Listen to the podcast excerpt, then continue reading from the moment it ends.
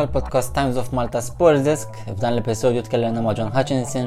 Hutchinson bejn l-2009 u l-2011 għamel 11 l-apparenza ma' tim nazzjoni Malti. U aħna miegħu tkellimna dwar din l-esperjenza taħt il-coaches Dusan Fitzer u John Podicic fejn f'dak il-periodu lab kontra l-aqwa timit fl-Ewropa u fid-dinja. Miegħu wkoll tħaddidna rigward relazzjoniet ma' ċertu players fid-dressing room f'dak il-perjodu fostom Andres Kember u Michael Mifsud u anka dwar l-esperienza tiegħu ġdida bħala assistant coach ġewwa l-Awstralja propju propju ma' tim ta' Western United u wieħed mit-timi il-ġodda fil-kampjonat Awstraljan. Nittamaw li nkun intervista tant interessanti għalikom u nħedġukom biex tisimgħu kollha.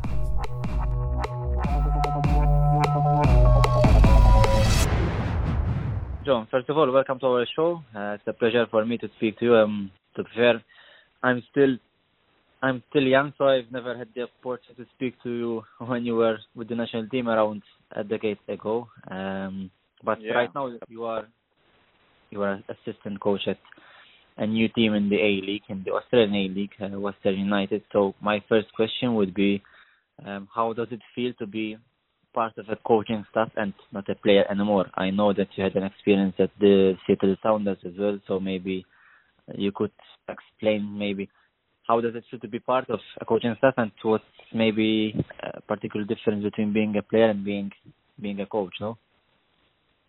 Yeah, look, I um, I think as a player, you kind of get caught up in a like a little bubble where, you know, you go training in the morning and you're home in the afternoon, and you know, you keep yourself fit, and it's all all really great. You get to travel the world. Um, I was fortunate enough to get to travel to many great places, uh, Malta being one, which was a beautiful experience and one that I always treasure. Um, but then coaching is something that I always wanted to do, so. Uh, I jumped on the coaching staff at uh, Central Coast Mariners for 18, 19 months there at Central Coast, and then went to America to Seattle Sounders, which was a um, a great opportunity, and you know it was an amazing football club. It had so many amazing people there. Uh, the GM Garth Lagerwey, the head coach of the first team, Brian Schmetzer, um, and I was fortunate enough to meet Kurt Schmidt, who was the GM of the second team, uh, which was very good. Uh, had some very good relationship there. Um, and then we decided to come back to Australia to join the the new Western United team. So um, the opportunity to come back to Australia, be part of the first team, um, and of a new franchise was was really uh, exciting and one that I took with both hands. And it's been a really good experience since I've been home. It's um, you know we've got some great coaches here, uh, some great people working behind the scenes, and then we've got some really good footballers. So you know the club's come a long way in the last three four months, and uh, we're pretty pumped to get our first game, official game of the season uh, away away to Wellington. So once we get that started, then the season will roll from there. Exactly. At the time of speaking, we are recording this to your first game, and then correct me if I'm wrong, but the first home game is, is against Perth Glory, no? Yeah, correct. Our, so we um, travelled to Wellington uh, to play our game, and then we got Perth Glory at home. Um, we we played out of Geelong, so we're obviously situated in the west of Melbourne, uh, which is a good area. It's a, a big area that's growing all the time, and uh, our home games will be out of Geelong. Uh, out of Geelong, uh, we are building our own stadium and training facility, which will be ready in two years, and you know, it's kind of a big project, and it's exciting to be a part of as a you know the one of the the first staff for West United is always going to be remembered, and it's uh, great to be a part of it. We got some, as I said, we got some really good footballers, some good people.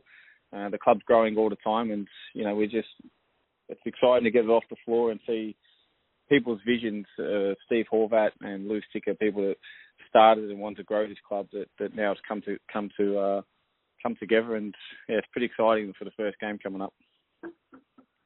And looking back um, at your national team experience with Malta, um, given your quality and your um, track record as a player, I mean, one would feel that maybe you deserve to have more, to collect more caps with uh, Malta. But um, I don't know how would you remember your spell, uh, your few caps with the national team, and maybe something that stood out during your period there, maybe a game, maybe some particular moment. Um, yeah, look at you know, I wish that I actually knew I could have played for Malta earlier. There was no obviously Hutchinson is in the Maltese last name, um, very common last name. So um, yeah, I didn't actually know until Dusan Fitzel contacted me that I could play for Malta, and then once he offered me the opportunity to come play, it was it was uh yeah, it was incredible. It was uh, I was nervous. I didn't know what to expect.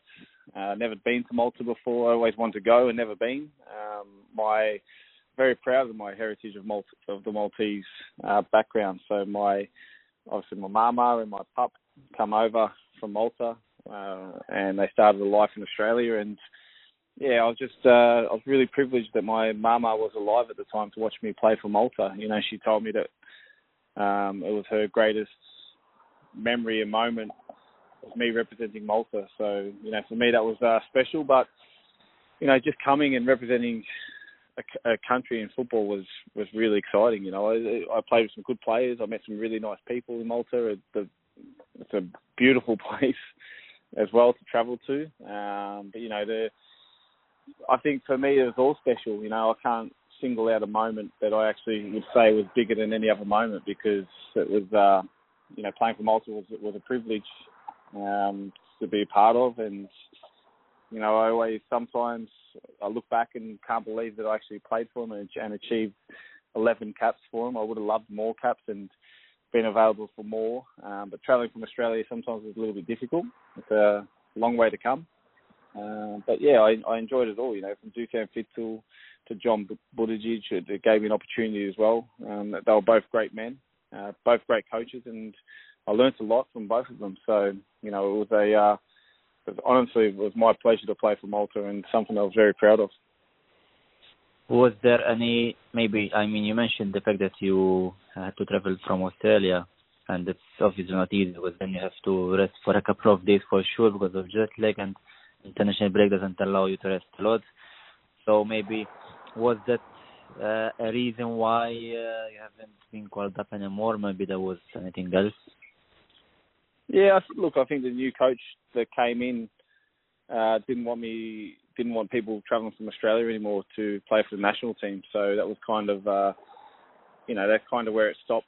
I was still playing in Australia for another two, three seasons when I stopped playing for Malta. So um, you know, I told them I wanted to play. I was keen to play, but you know, they thought the distance was just too much. So, you know, obviously, people travelled from Malta to Australia understand that you're in the air for around 22 hours. Uh, it's about, you know, it's a long trip. It was uh, Sydney to Dubai and then Dubai to Larnaca and Larnaca to Malta. So, you know, and then you had to stop over as well. So it was a long trip, but you know, I enjoyed doing it. It was something that I wish I could have done more of, but um, once the new coach came in, we weren't up for selection really anymore. So uh, that, that was I was disappointed with that, but you know I respect the coach's decision that he wanted you know go a different direction. So you know we took that on board, but you know while I got to play for Malta and got to play against some of the biggest nations in the world, it was a, a fantastic opportunity and experience. The new coach, uh, we are referring to Pietro Ghedin, I think, no, during that time.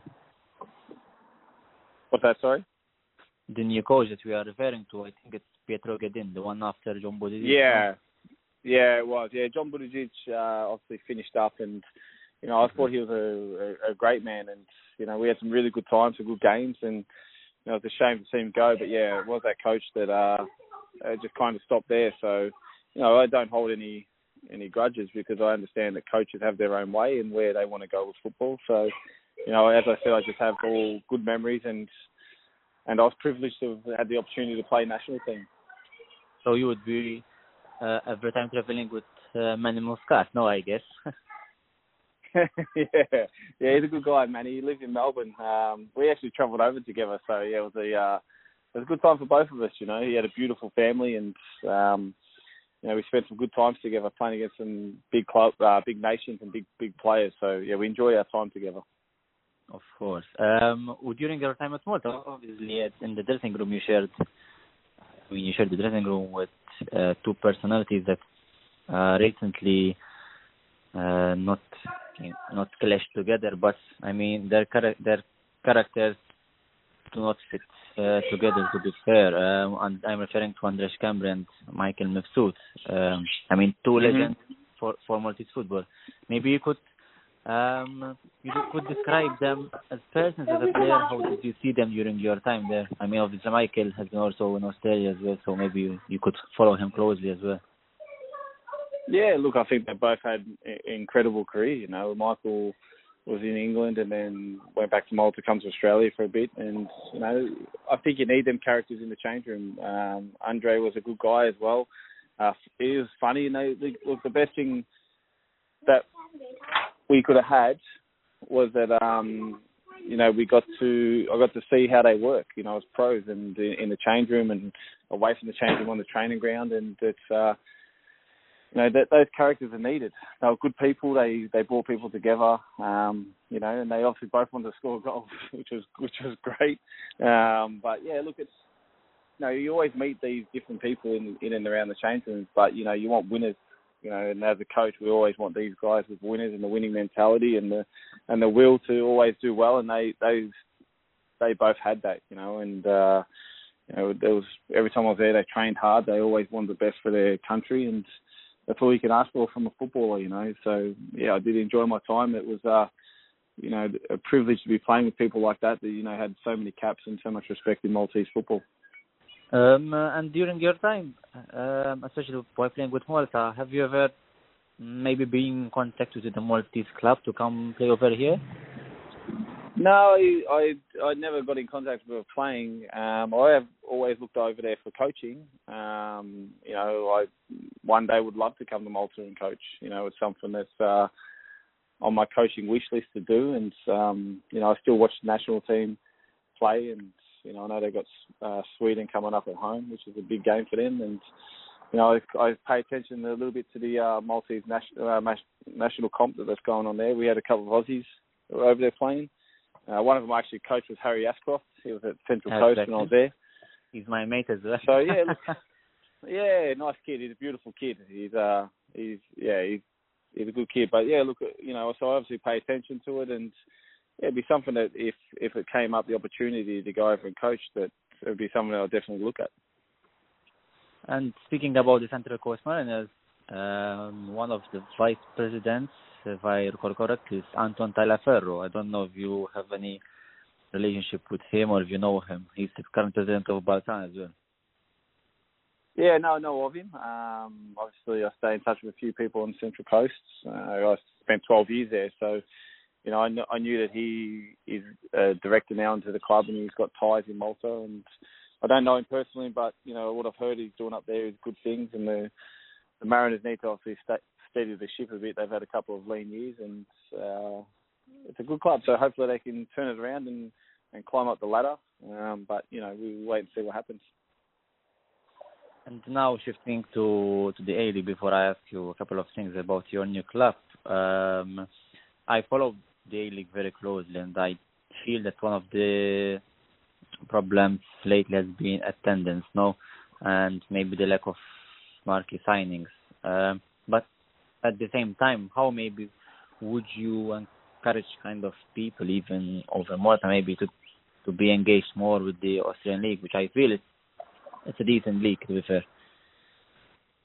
Yeah, look, it's just had a couple of lean years, you know, but the owners have now taken over the power of the league and they're running the league. So, you know, it kind of now the clubs are in control of their own destiny, really. So it'll be interesting to see what happens from here. It's a you know it's a big period for Australian soccer the next three four years because you know we we've seen attendances dip a little bit. Um, but you know it's probably the most played sport in Australia though, so we need to try to somehow get these kids and the people that actually like soccer to come watch the A League. It's uh, you know the football is pretty. It's a good standard. You know we have a lot of players from the A League that go overseas, and we have players from overseas come here and play and you know comment on the standard. The the coaches are obviously getting much better uh, all the time. There's you know they're putting them through more programs, and the players are now all the um, clubs have you know like academies and all that kind of stuff. So the players are in full time environments from a younger uh, younger age, and then you've got all the clubs in the background doing a, doing uh, in the state league doing a big job as well in player development and getting players ready to go to the next step. So look, I think it's uh, hopefully going to be a big year for the A League. We've a new team coming in next year as well, uh, which will take us to 12 teams. And you know, once that starts happening and the league starts growing, and you know, once you start getting a little bit more attendance here and there, then um, I just think it will be uh, a league that keeps growing. You know, we just got to understand that in Australia there's so many sports and so much to do. You know, we're we're blessed by beautiful weather and a beautiful country. So, you know, we just have to make sure that you know we don't know, disrespect the people to come and watch and the people that follow the A League. It's always important to respect the the, the uh, spectators, you know, the active supports. Again, we want we want to engage with them as a clubs, and you know, I know for Western Western United, we're trying to engage the uh, community and engage the fans and get the active support going. And you know, it's just about building in the right way and making sure that it's sustainable in the future. And obviously, being uh, a new team, uh, there are some difficulties. Maybe um, how was how would you describe um, this experience in terms because you have to recruit uh, a staff from scratch, uh, players from scratch. Um, so how how difficult was it? And also, um, if you think that expansion teams um, are a good thing actually, because maybe we reach more more areas in Australia, which is uh, a country, but it is a continent in itself. No, so there are a lot of that maybe uh, not every club every club reach, and talent then um, get dispersed and gets lost. No. Yeah, look, I think firstly with West United, it's been a it's been a big big thing for the club. They got accepted in around December, so they'll come in the A League uh, and start pre-season June, July. So they had six months really to build a club from nothing to what what it is now. And uh, there's a lot of good people behind the scenes working really tough, um, working really hard to get the club up and running. Uh, and they and they've done that. You know, they they employed some good people.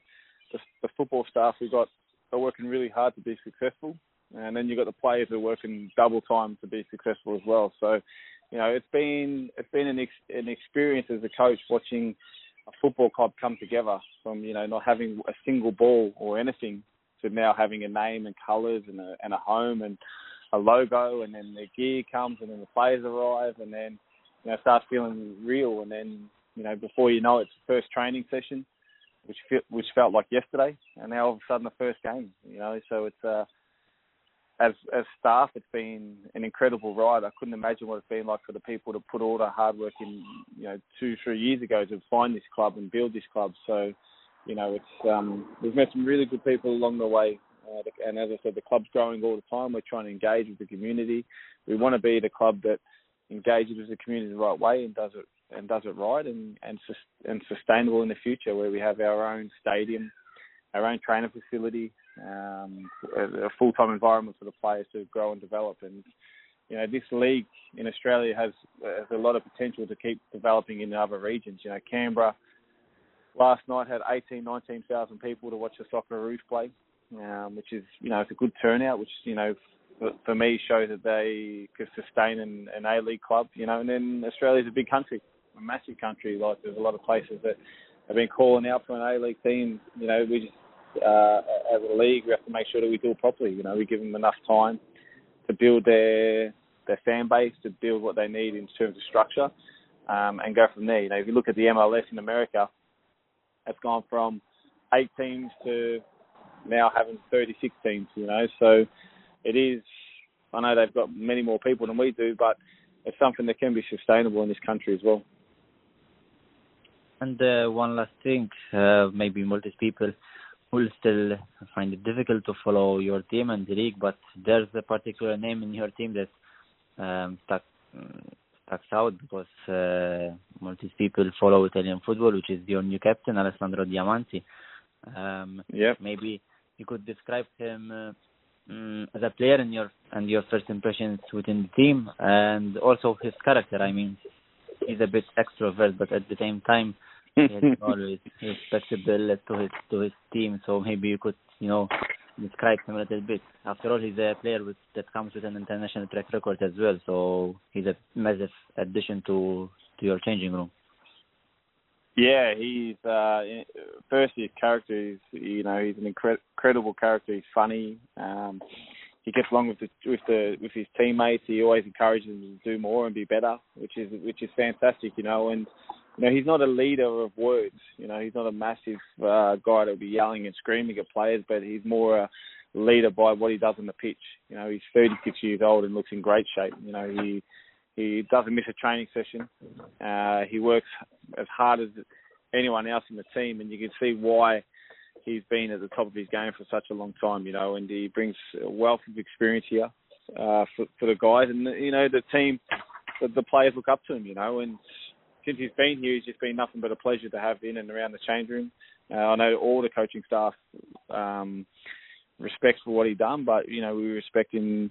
He's come here and put his head down and worked really hard uh, in the within the club and tried to grow the club. And um, you can you can tell he's a quality character. Uh, football ability, you know, he hasn't lost any of that. You know, he's uh, yeah, he's, he's got some uh, wonderful touches. He's got good vision. He's a he's a natural ten and a guy that can you know play that final pass. So you know the other marquee we have is uh, Panagiotis Kone, who's who's a ex-Greek international. You know, he still wants to play for Greece, and um, you know, he, he's got quality as well. He's a good guy, and you know, he he's different to Diamanti, where you know he he works in his own kind of way on the field, but when it comes to game time, he's um it's incredible. You know, he's a good footballer. He he brings the team forward, and you know we're looking forward to what both these guys can bring to the team. But you know, that's two guys of uh, a squad is around 23, 24 players. You know, so we're going to have to count on everyone to to do their bit. But you know, obviously these two guys being the marquees of the club, everyone's looking at them to see what they bring to us.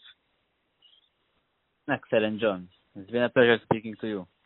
Um, uh, it's been a pleasure. It's been my pleasure. I wish you all the best uh, for the new season. This is, this is a season that will bring you a lot of uh, first time experiences, giving being with a new team with new players. But uh, I'm sure you'll do well, and I hope that um, someday you're a member of Malt and come over again. No.